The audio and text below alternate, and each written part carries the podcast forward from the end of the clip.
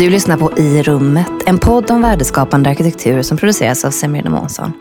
Jag heter Eva Ström Joklint och är arkitekt på Semir Månsson. Temat idag är trä som framtidens byggmaterial och värdet av samarbete och samtal för innovation. För att prata om det här så har vi med två personer i rummet. Magnus Månsson, koncernchef för Semir Månsson och Jörgen Hermansson som är chef för Södra Building Systems. Välkomna. Tack så mycket. Jörgen, jag börjar såklart med, vad är det överlägset bästa med att bygga i trä? Ja, det är ju ett eh, fantastiskt material överlag och eh, just att det, det återproducerar sig själv hela tiden. Men dessutom som konstruktionsmaterial tycker jag det, det lever på sina egna meriter. Det är ett, eh, ett material eh, med den nya massivträtekniken där man kan få hög precision, man kan få snabba montage. Eh, man får god arkitektur även om man då har industrialiserat själva tillverkningen. Och sen är det ju faktiskt så att det har ett väldigt bra eh, bidrag till att reducera växthusgaser som vi faktiskt måste minska i Sverige.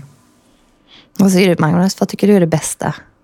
Alltså det är så lockande med eh, ordet industrialiserat byggande för vårt, vårt stora utmaning idag är ju att vi bygger hus alldeles för dyra så normala inkomstslag inte har råd att bo i nyproduktion. Och att då göra det samtidigt som man inte utarmar arkitektur och teknik och förvaltning, förvaltningsaspekten, eh, då ser jag ju så trä som en väldigt intressant eh, alternativ. Kopplar vi då ihop det med, med våra nya projekteringsverktyg och vår, e- vår digitalisering av vår del av byggbranschen och kan koppla in det till robotiseringen i, i, i, industrin och få egentligen ett unikt pussel varje gång vi lämnar en ritning till produktionen då känns det som en fantastiskt steg i, i, utvecklings, eh, i utvecklingen. Ja, verkligen. Ni, så ni bygger ju, Södra bygger just nu er första anläggning i Sverige för korslimmat trä i Värö som ska vara klar 2019. Hur kommer det sig att det är nu den kommer? Jag tycker att det, ett, ett, det finns ett momentum i marknaden just nu att, att faktiskt komma med massivbyggande i trä. Och man får komma ihåg att fram till 1995 så har det inte varit tillåtet att bygga högt i trä. Och, och den här nya produkten som är då eh, just de här massiva byggelementen som är konstruktionsbärande gör att man kan bygga högt också. Och då blir det lite mer intressant. Så det är många faktorer som, som spelar in här. Men även om jag tycker 95 är nyss, det är ändå ett tag sedan. Hur kommer det sig att det har tagit så lång tid ändå? Ja, men du vet det här med förändringar är ju svårt. Va? Och eh, hur den är så, så det, vi, det vi tror på det är att man kan substituera Eh, betong med trä. Och den här substitueringen tar tid, för det är, så, det är många människor, det är många system, det är mycket som ska läras ut nytt. Och, eh, vi behöver lärare på, på, eh, ja, på konstruktionssidan som utbildar konstruktörer att konstruera trä. Vi behöver lärare på arkitektur som, som lär oss att rita i trä. Alltså det, det är ett helt system som ska förändras och, och, det är klart att det tar tid eh, att göra det för vår del är det så att det, det, passar väldigt bra in i Södras eh, väg framåt och eh, vi är på väg ut med vår första eh, insektsfabrik här nu. Vi råkar ofta ut för att ett, en byggnad börjar produceras som ett massivträhus och sen så blir det mer och mer ordinärt ju mer processen går. Vad kan du ge för, för liksom, råd för arkitekter som hamnar i sådana situationer? Jag vet inte om det är jag som ska ge råd på den här sidan. Nej, men du kan bara ge oss lite tips och tricks. Men, ja, men det, det, det jag kan tycka då, men man, vi får väl kanske ha vi kanske kan få ta rollen att komma in med lite nya ögon och tycka på lite saker och ting då. Och jämföra lite grann med den processen från, från att, som, som det tar för att ett hus blir till så, så känns det som att, att det är väldigt linjärt. Va? Man gör ett steg i taget så här och, och då blir det lite grann nästan som visslingsleken. Det börjar med någonting och så slutar det med kanske någonting lite annorlunda. Och jag förordar ju väldigt, väldigt mycket mer att man ska samverka. Mm. Att man ska ta in kunskap från alla de här leden när man, när man gör designen. Så att när man väl har en produkt, hus, som ska byggas, så har man liksom gått igenom det mesta och så vet man det att, att, att eh, det här är vad vi föreslår. Det, den har den här prestandan, det här utseendet och det kostar ungefär så här mycket. Man ska liksom göra det lätt för de här mm. herrarna och damerna att ta beslut, tänker jag. det pratade vi om nu förut, precis innan vi började spela in, om just finansiering och sådana saker. Kan du berätta lite mer om det, Magnus? Ja, jag gör gärna det. Jag tänkte jag skulle bara kommentera ja, den här frågan först. Så, alltså det handlar om att våga ta tidiga beslut. Alltså, eh, och i vår process är vi ovana vid det, för vi vill hålla alla dörrar öppna så länge det någonsin går, för byggbranschen har den mentaliteten. Och då måste man ställa sig frågan, vilket kanske tangerar fråga mm. två då. Mm. Eh, vem tjänar på det? Eh, vi, alltså produkten tjänar inte på det och processen tjänar inte på det utan det måste vara någon annan som har intressen i detta, att man inte kan bestämma sig tidigt. Skulle vi, vilket vi förordar i, våra nya processer, våga ta beslutet om till exempel stomval. Ja, det är ett trähus. Ja, det är ett betonghus. Så ritar vi färdigt efter det. Och det är nog förutsättningarna för att man ska kunna jobba på ett modernt och digitalt sätt i hela näringskedjan. Om man inte gör det så kan man inte göra ritningar med den precisionen som, som gör att, eh, att Södra Skogsägarna kan med sina robotar skära de där elementen som jag var inne på tidigare med samma precision som är nödvändig för att vi ska få det här industriella byggandet, byggandet att flyga på riktigt. Så att någonstans handlar det om, om beslut och, och, att våga ta dem, dem vid, vid, rätt tid och inte, inte ha för mycket alternativ öppna. Det, det är ett förlegat sätt att tänka. När det sen kommer till värden, för det där är vi ju rätt intresserade av på Semrena Månsson. Vi tror ju att vi brukar ju sammanfatta det med att säga att vi har ju väldigt stor respekt för, för byggkostnaden, för den ska ju klaras av också i, i, i, första momentet. Men det är inte det som är huvudfrågan för den som investerar i, i fastigheten. Det är huvudfrågan för den som ska sälja, sälja byggprodukten och det är ju inte den som investerar uppenbart. Eh, där finns ju naturligtvis eh, eh, fördelar, tror vi, med träbyggnadsteknik. Att det är en, en sammantaget en billigare produkt att göra och med, med, med samma, eller jämförbar på standard med övriga, övriga tekniker. Hastigheten är intressant. Man kan bygga mycket fortare med det industriella tänkandet och i en tid vi strax kommer till med, med räntor som är över 2% så kommer tiden att, med byggplatsetableringar bli en faktor igen. Och då kommer det vara mycket mer intressant att få ner byggtiderna och, och få en effektivare bygg, byggprocess.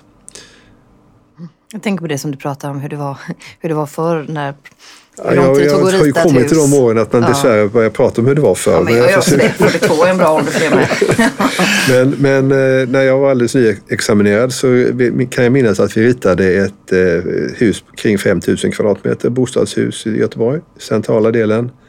Det tog oss sex månader att rita det manuellt. Det fanns eh, inga, inga andra verktyg på den tiden. Eh, det tog 12 månader att bygga det.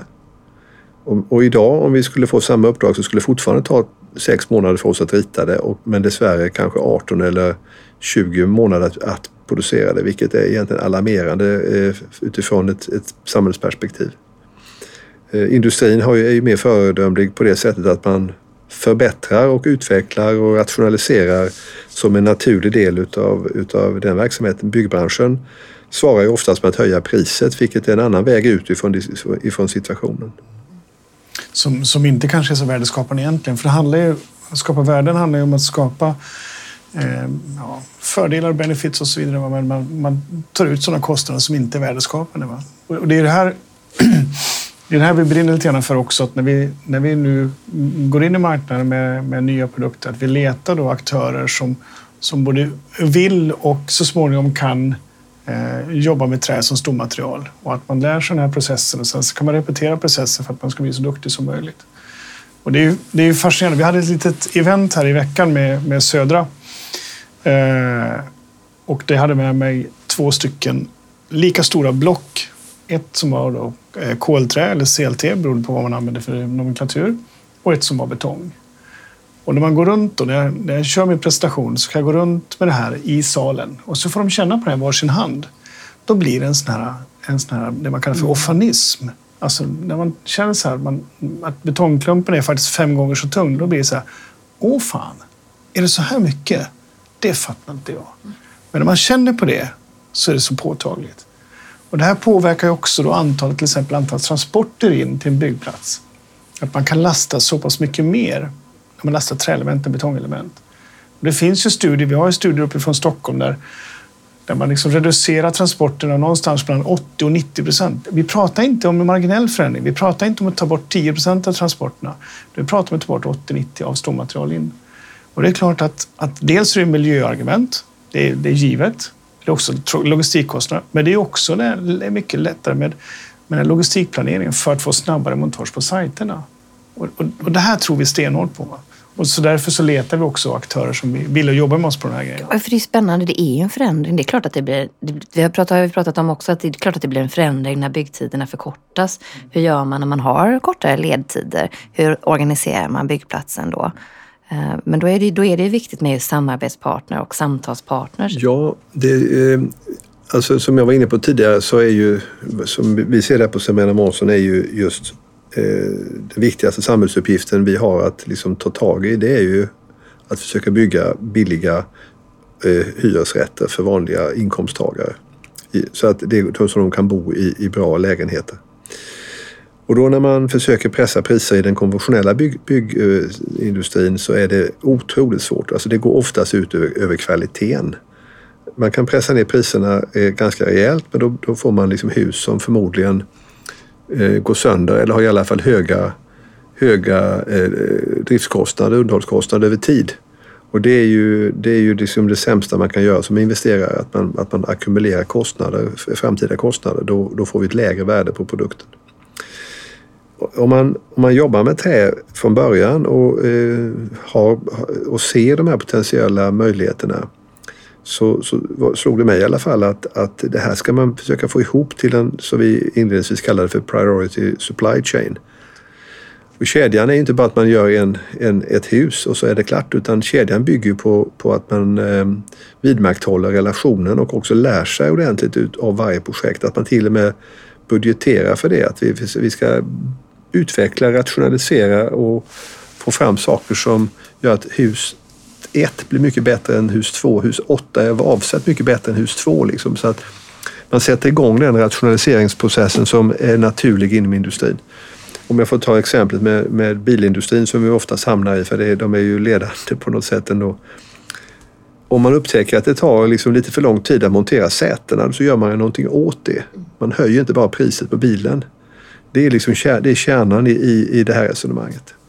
Det blir också att då måste man gå från en mer objektsorienterad eh, eh, operativ modell till en processorienterad modell där man, själva processen är viktig, att man vet hur man gör saker och ting, vilken ordning. Och, och, och när man vet det så kan man också processförbättra. Va? Man följer upp hela tiden. Va? Vi pratade tidigare också om att, att för vår del så kommer det vara otroligt viktigt att, att vara med ute på byggsajterna för att faktiskt se hur går montaget egentligen? Är, Funkar våra produkter och våra tekniska lösningar eller inte? Och eh, funkar de inte så måste man förbättra. Och funkar de så vill man förbättra dem ändå. Alltså det är kontinuerlig förbättring, det är liksom ett DNA som, som vi jobbar med. Helt Li, liknöjdhet är ju en stor fara i allting va? och det gäller ju även, i, ja. även här. Va? Ja. Ehm, för vår del är det, ju, är det ju otroligt spännande att ha industrialisering som, som mål, delmål för att nå de här eh, övergripande målen om, om, om eh, lägenheter för, för ett större flertal. Men man, vi har ju också en stor uppgift att vara bevakande utav eh, vad det här blir för någonting också. För det blir inte bra arkitektur bara för att vi blir snabbare att göra grejerna eller att vi kortar byggtiderna ja, eller att precis. vi får öka värdet på det. Utan det blir ju också en interaktion vilket gör att vi som arkitekter måste gå in och ta ett ekonomiskt eh, ansvar eller i alla fall en hög ekonomisk förståelse för den här, för den här sättet att göra det på vår utgångspunkt är alltid att ha en rationell bas i, vår, i, i det vi gör. Och så är det vi som kan avgöra när, när vi måste bryta monotonin eller när vi måste hitta på någonting eller göra någonting med, med material eller med, med de, de verktyg som arkitekturen bjuder. Så att vi, vi inte hamnar i, i fällor utav upprepningar eller monotoni som som, trä, som träkonstruktioner kan bli likväl som andra, andra material. Så att säga. För det är, ju, det, det är ju verkligen så att trä, det är så lätt att bara trä innebär så många fler positiva konnotationer för folk än kanske betong traditionellt har gjort. Vilket gör att där har ni lite så här, där har ni ju ett ansvar att inte eh, att inte utnyttja det, höll jag på att säga. Men precis som Magnus säger, att det kan, det kan ju vara vad som helst. Folk tänker på sin, sin härliga bastu eller sin sommarstuga och föreställer sig att det är det som ska byggas av massivträ. Nu är det ju mycket som byggs i trä som har liksom, träutseende och som blir väldigt uppskattat hör man av släktingar och vänner som inte är arkitekter. Men det, det finns ju någonting i det där. Det, det är helt roligt. Här. Vi hade ett eh, det var vid något annat tillfälle och så, så satt det bara en publik med och så pratade vi om trähus och, och vi vill ju gärna att trä ska komma in som ett konstruktionsmaterial. Mm. Att det ska, liksom, det ska tävla på sina egna meriter och det är liksom vårt jobb. Vårt jobb är att tillhandahålla en bra produkt som, som faktiskt skapar ett värde. Då. Det, det, det är vad vi ska göra. Eh, och, och, och dessutom tillhandahålla att det liksom finns, att våra kunder kan växa och så vidare. Men vi pratar inte så mycket om att det ska vara en träfasad till Nej. exempel. Utan vi har liksom nästan fokuserat på det här med konstruktion. Då. Men så var det någon som sa i, i publiken så sa det, ja, men när, när, vi tänker trähus så tänker vi faktiskt på träfasad. De ska ju se ut som trähus också. Och då blir det så här, ja, ja, ja, så är det naturligtvis. Så det finns ju väldigt mycket olika perspektiv på det. Va? Så jag tror man får med, kanske får ta med sig bägge delarna. Va? Eh, och där tror vi kommer att finnas med också. Jag tror att vi kommer att jobba med både stommaterial och med fasadmaterial för att liksom greppa det här med trähus. Då. Det är lite spännande du sa där, eh, Magnus, om det här med, med eh, arkitekten och det här med att, att ha en ekonomisk förståelse. Jag tror att det, det kommer an också till det här med den här samverkan. På, det, på något vis så måste man ha förståelse för varandra. Det handlar om att ska vi få det här att, att, eh, att ta riktig fart så handlar det också om att dela kunskap och lära sig nytt om den andra. Och det tror jag man gör bäst genom att samarbeta, helt enkelt. Mm.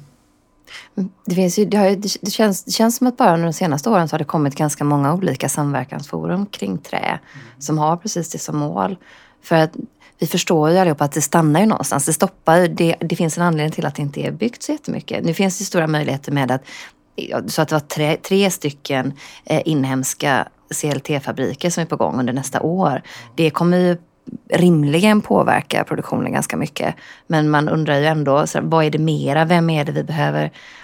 Hur, hur ska en sån samverkan se ut så att konstruktören, arkitekterna, att alla förstår möjligheterna och begränsningarna?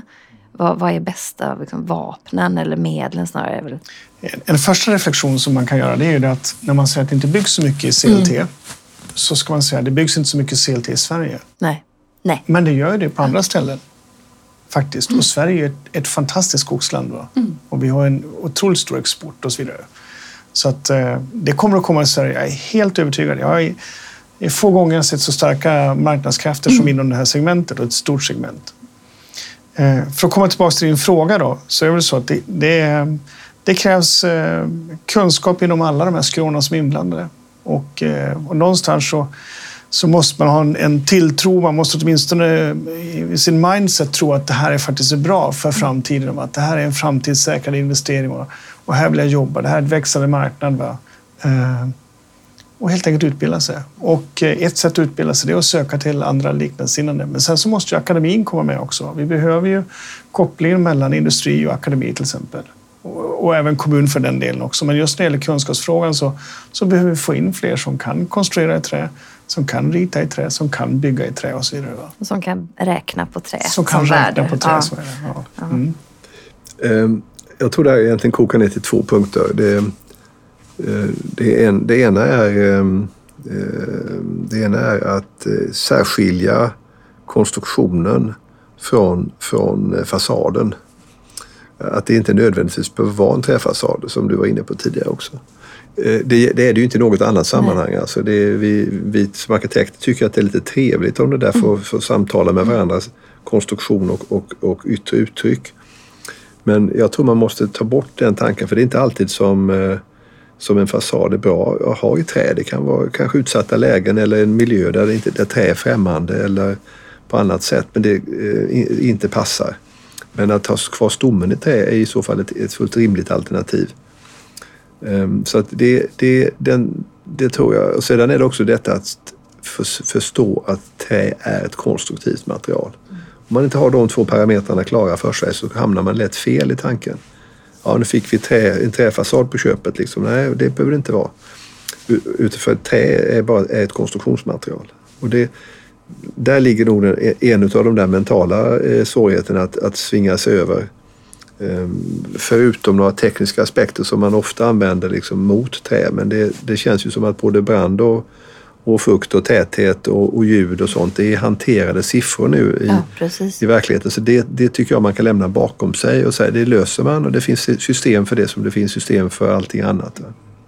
I förhållande, förhållande av hållfasthet och vikt och sådana saker. Det är, mm. men, det, men det är ju säkert det träfasader till exempel som gör att sta, stadsbyggnad i trä är fortfarande lite ovanligare ändå. Är det, är det inte ändå ett ganska rätt påstående? Att det är sällan man bygger massivträhus i stad i Sverige. Liksom direkt inne i liksom centrala lägen. Jag tror vi kommer att... Eh, eh du har ju Skellefteå en stad. Ja, bygger man Skellefteå är en stad, där. absolut. Så bygger man mitt i byn Ja. där. Så jag har bott där också. Ja. Eh, Jag tror att man kommer att se det mer och mer. Och tittar du på eh, i London så byggs det Mm. ju massivträ inne i städerna. Va? Eh, Men där ibland så har man också En annan typ av man fasad. Typ. Ja, men det är det det måste ju passa- in i stadsmiljön. Eh, Men där är ett område, det kan ni bättre än vad jag kan. Så att, men men jag tror det det tror jag ligger- absolut det kommer att komma. Det, jag tror det ligger på ett slags historiskt plan. Alltså vi har, varenda svensk eh, stad i, i, har brunnit ner Exakt. fyra gånger under, under sin levnad eller mer. Och, och det är därför vi fick en, en stadsreglering och en detaljplan, eller stadsplanering och sedermera en detaljplan. Att, att egentligen skydda oss emot, eh, emot, eh, emot brand. Nu har vi ju helt andra tekniska instrument. Vi kan beräkna detta så jag tror inte det är en begränsning. Nej, utan den där är sitter en- fortfarande lite grann och här. då, då, och då tror man att bara för att man bygger trähus i städer igen så, så återför man faran och det, så behöver det alls inte vara. Man- Man ska ju, återigen så ska man komma ihåg också att när man, om man bygger i stad och man kan, man kan bygga med en trästomme så är det ju alldeles tyst. Det är så fantastiskt tyst. Om man då tänker på eh, eh, de som bor runt omkring en byggnation. Va? Du har de här färdtransporterna, men sen finns det faktiskt andra element som är lite intressanta. Och det är det att, att eh, i och med att trä är väldigt lätt ifrån sin hållfasthet så kan man också, också göra med påbyggnader. Vilket gör att om du har fastigheter som är tre, fyra våningar till exempel i en stad så kan du bygga upp dem till åtta våningar genom att bygga på fastigheten. Utan att ändra grundläggningen. Ja. Ja. Och helt plötsligt så får du den här förtätningen då, utan att du använder mark. Va? Och det tror jag också är något som är intressant. Dels för att det är, det är kanske lite effektivt nyttjande av mark kan man säga. Men också att man kan, man kan nästan, de byggnader som inte är så himla vackra kan man faktiskt eh, ta tillfälle och försköna lite grann. Genom att göra en sån här ombyggnad. Ja, men hela viktfrågan är ju jätteintressant. Om man tänker sig Göteborg som där vi sitter just nu. Där har vi ju en, eh, vi har ju lerdjup som är både 100 och meter och mer. Och det är klart att eh, har vi ett material i, i stommarna som är påtagligt mycket lättare så behöver vi påtagligt färre pålar. Och vi kan eh, på det sättet också nedbringa kostnader och, och kontrollera rörlighet och annat. Du kanske till och med kan hitta ny mark du kan bygga på. Ja, ny, ny bra mark tillverkas ju inte längre. Nej, nej, nej. det finns bara dåliga kvar, Ja, säger det. vi oftast. Alltså att, Ja. Men kanske tillräckligt bra för träbyggnad. Ja, Ja. Det är möjligen att det är det så då. pass lätt. va? Det pågår ju projekt uppe i Stockholm där man liksom har den problematiken. Där man faktiskt har valt att bygga i trä Av det skälet. av det skälet. Ja, Ja. Jag tror, det blir, blir- jag tror det blir en realitet. Vi har ju sådana problem ute i, när vi bygger in i, i hamnarna här Mm. nu, att det är dåliga grundläggningar och annat. Så, att, men, eh, så det, det blir ett, ett nytt alternativ. Ja, men precis. Förr så gjorde man badkaren i betong och nu kanske man provar att lägga sig ovanpå i trä istället. Kanske börjar det bli dags att sammanfatta oss lite. Jag funderar på, vad tror ni, vad behöver, vad behöver hända för att det ska byggas fler trähus? Vad är det som är det största? Om man bara sammanfattar det lite grann. Vi pratade ju om det förut, men bara en sån, en punkt eller två. Ja, vi, kan väl, vi kan väl ta lite grann från olika perspektiv Ja. då, eftersom vi har eh, lite olika Ja, bakgrund. Precis. Jag tror det är så här att, att vi som industri vi måste våga svara upp och det tycker jag vi gör nu. Mm. Det, det kommer tre stycken investeringar här nu på ganska kort tid. Det kommer behövas mer. Eh, Vi måste vara beredda på att fortsätta vår produktutveckling. Det här är bara i början än. Det kommer bli ännu bättre element eh, om du tittar de närmaste 10-15 åren. Vi kommer stödja med vår kunskap mot byggare, mot konstruktörer, mot byggherrar och så vidare. Vi kommer dela med oss så mycket som möjligt för, för att skapa både tillväxt och samverkan. Så, att, eh, så det här kommer, jag är helt övertygad. Eh, och vi kommer göra vårt bidrag. Så är det. Vad gör vi då, Magnus? Allt handlar ju om kunskap såklart. Eh, För vår del som arkitekter så kan jag se det, eh, att bygga i trä som en väldigt intressant Eh, del i att industrialisera byggandet, vilket vi måste göra av, av tidigare sagda skäl. Ehm, Och, och just den här, den här visionen av att designa ett hus med tidigt val, att det här är trähus, vi drar all nytta utav träets möjligheter och vi behärskar träets svagheter redan från början. Och att få ihop det och hitta ett gränssnitt mot, mot industrins egna produktionsmetoder gör ju enorma möjligheter för, för en avancerad och bra arkitektonisk formgivning. Och lö- löser man den frågan och man löser frågan med långa förvaltningsperspektivet då, då är det enorma möjligheter som står till buds för, för det här sättet att bygga. Sen Kanske bara en liten avslutning och säga att när helst det finns möjlighet att projektera tidigt i fasen och använda digitala verktyg så kommer vi att svara upp mot det. Vi tror hårt på det. Och sen som en liten passus. Man får ofta en fråga om skogen räcker. Och det är faktiskt så att vi gjorde en liten beräkning och vi tittade på Södras medlemmars skogar och den tillväxt de har. Alltså inte skogen i sig, utan bara den årliga tillväxten. Och var fjärde minut så tillverkar vi material i skogen för en lägenhet. Stormaterial för lägenhet. Var fjärde minut.